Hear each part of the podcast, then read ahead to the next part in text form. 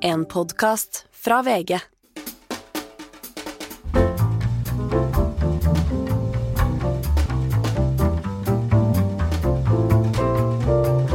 Hei, her får du en smakebit av min samtale med direktør for Folkehelseinstituttet, Camilla Stoltenberg. Vi snakker ikke så mye om covid, for det er vi litt lei av, men vi snakker om pandemier og følgende for eh, verdens sikkerhet og trygghet, sikkerhetspolitikken, krig og fred, det store bildet. Hvordan ser du pandemi i et sikkerhetspolitisk perspektiv? Det tror jeg er et veldig viktig perspektiv som vi har beskrevet altfor lite. Men det er klart at eh, det er en dobbel risiko å ha begge deler samtidig. Eh, og så kan man si at det sånn sett har vært heldig at covid-19-pandemien var på hell da krigen startet i Ukraina, men eh, den, den har vidtrekkende konsekvenser hvis den skulle blusse opp igjen f.eks. med en ny variant og belaste land som nå er skadelidende. Både de som er direkte involvert i krigen, som Ukraina selv først og fremst, men også land som lider pga. Matvaresikkerhet eller mangel på matvaresikkerhet og med sult og fattigdom. Og, og der er den samtidigheten av ulike kriser en stor sikkerhetspolitisk trussel som jeg tror man bør være mer opptatt av framover. Du kan si at covid har på en måte skapt politisk uro og mye opprør som har lagt grunnlaget for enda mer rom for Putin til å spille på splittelse i våre vestlige samfunn? Ja, eh, absolutt. Men også langt utover eh, Russland og Ukraina selv har dette betydning. Blant annet for afrikanske land og for matvaresikkerhetssituasjonen i Sahel, f.eks. Ja, for det med mat blir helt fryktelig om mm. vinteren. Ja. Ikke har de penger, ikke har de mat. Det er uh... mm. Og så har du da pandemi som terror, altså hvis noen skulle spre en bakterie av noe slag, er det noe dere tar høyde for i deres scenarioer?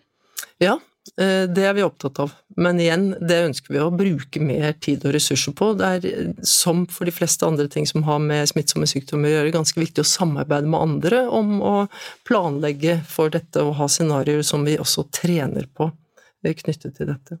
Og nå ser vi jo også, både i etterkant av pandemi, krig, alt at det er en globalisering i revers, handelskrig mellom USA og Kina, men også pga. pandemien. Konteinere som har stått fast i havner overalt, eh, en verdensøkonomi som rett og slett er i ubalanse.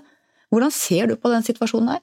Det viser jo hvor enorme konsekvenser det er av en pandemi som dette.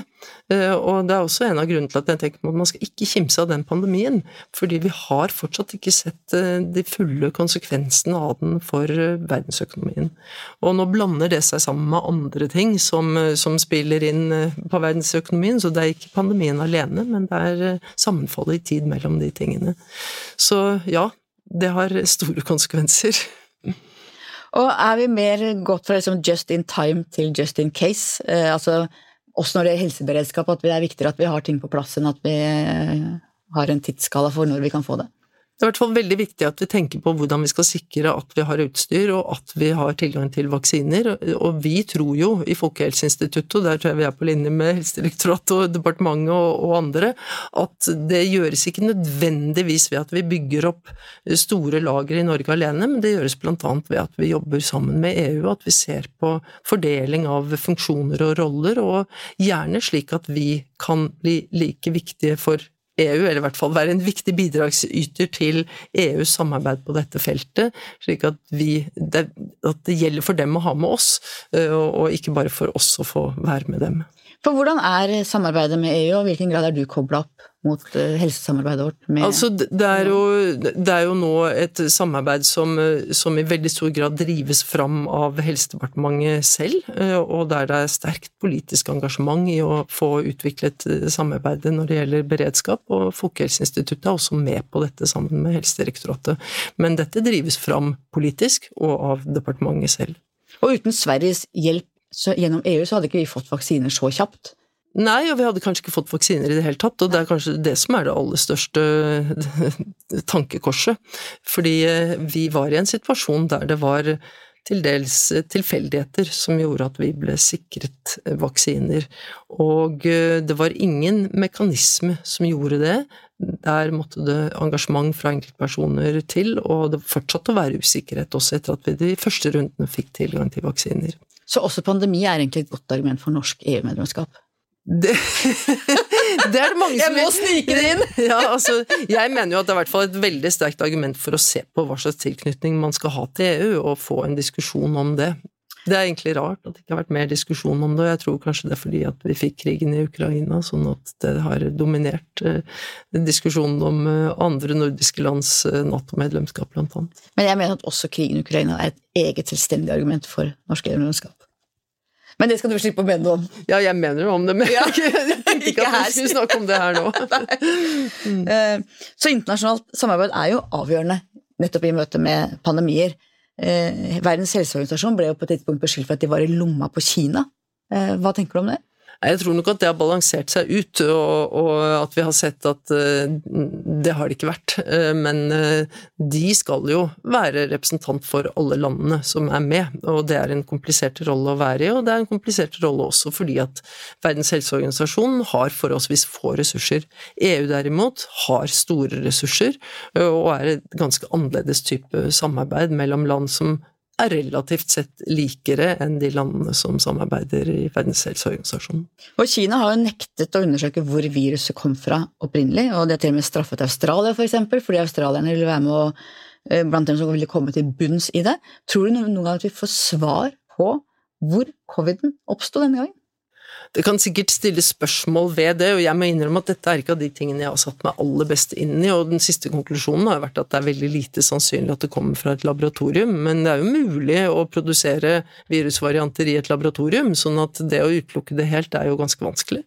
Eh, Men det som er viktig i denne sammenhengen, det er at informasjonsdeling og insentiver for informasjonsdeling, og i hvert fall bortfall av sanksjoner mot informasjonsdeling, er helt avgjørende for å få kontroll med noe som kan bli en pandemi på et veldig tidlig tidspunkt, og også underveis.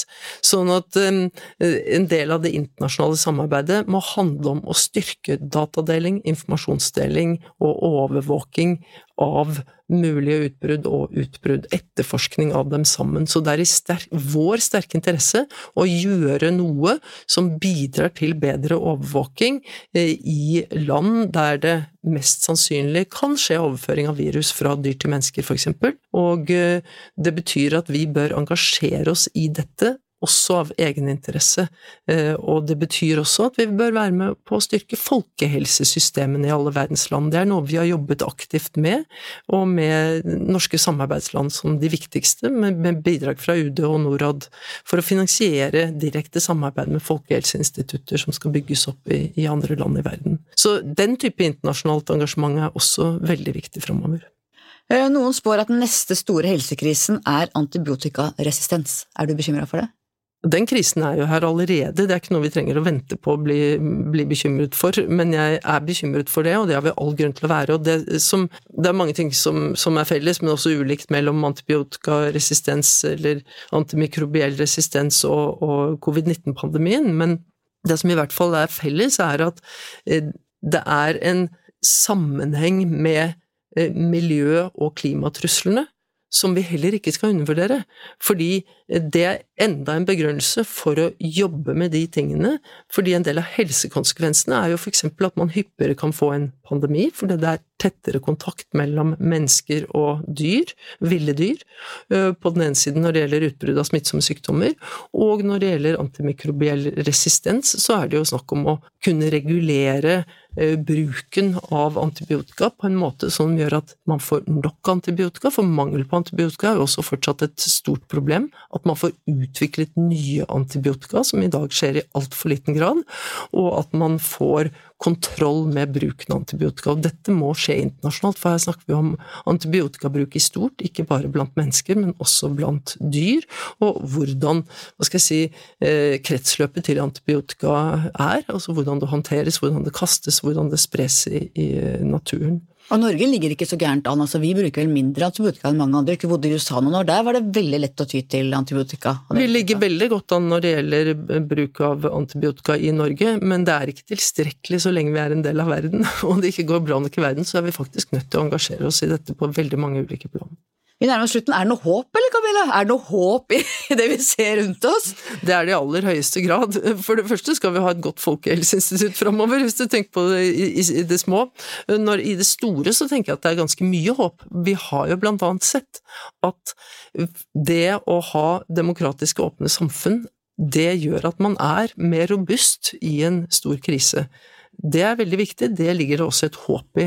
Vi har sett at eh, folks eget engasjement er helt avgjørende for å håndtere kriser, det har vi sett under pandemien. Det vi har sett i tillegg er jo at det å bruke vitenskap, både den vi allerede har, ta den i bruk ved å si, omdanne den til produkter som vaksiner og legemidler osv., men også bruke den til å kunne følge med målrette tiltak, enten det gjelder i en pandemi eller noe helt annet. Det er veldig effektivt, og det kan gjøres i stor skala, og det kan deles. Så det er noen av de tingene som gir håp, men det er ganske mye annet òg. ja. Hva tror du blir historien om den tiden vi lever i akkurat nå? Jeg tror nok at historien blir at det er en veldig dramatisk tid som vil føre til varige endringer eh, av samfunn og av verden, og jeg tenker at aldri i min levetid kan jeg huske at det har vært mer avgjørende at man faktisk engasjerer seg for at verden skal utvikle seg i den retningen vi mener er bra, og så kan folk gjøre det på mange ulike vis, i det store og i det små, men det er helt nødvendig at man engasjerer seg. Dette var en smakebit av samtalen med Camilla Stoltenberg. Vil du høre hele, kan du gå på Podmy eller VG+. God helg!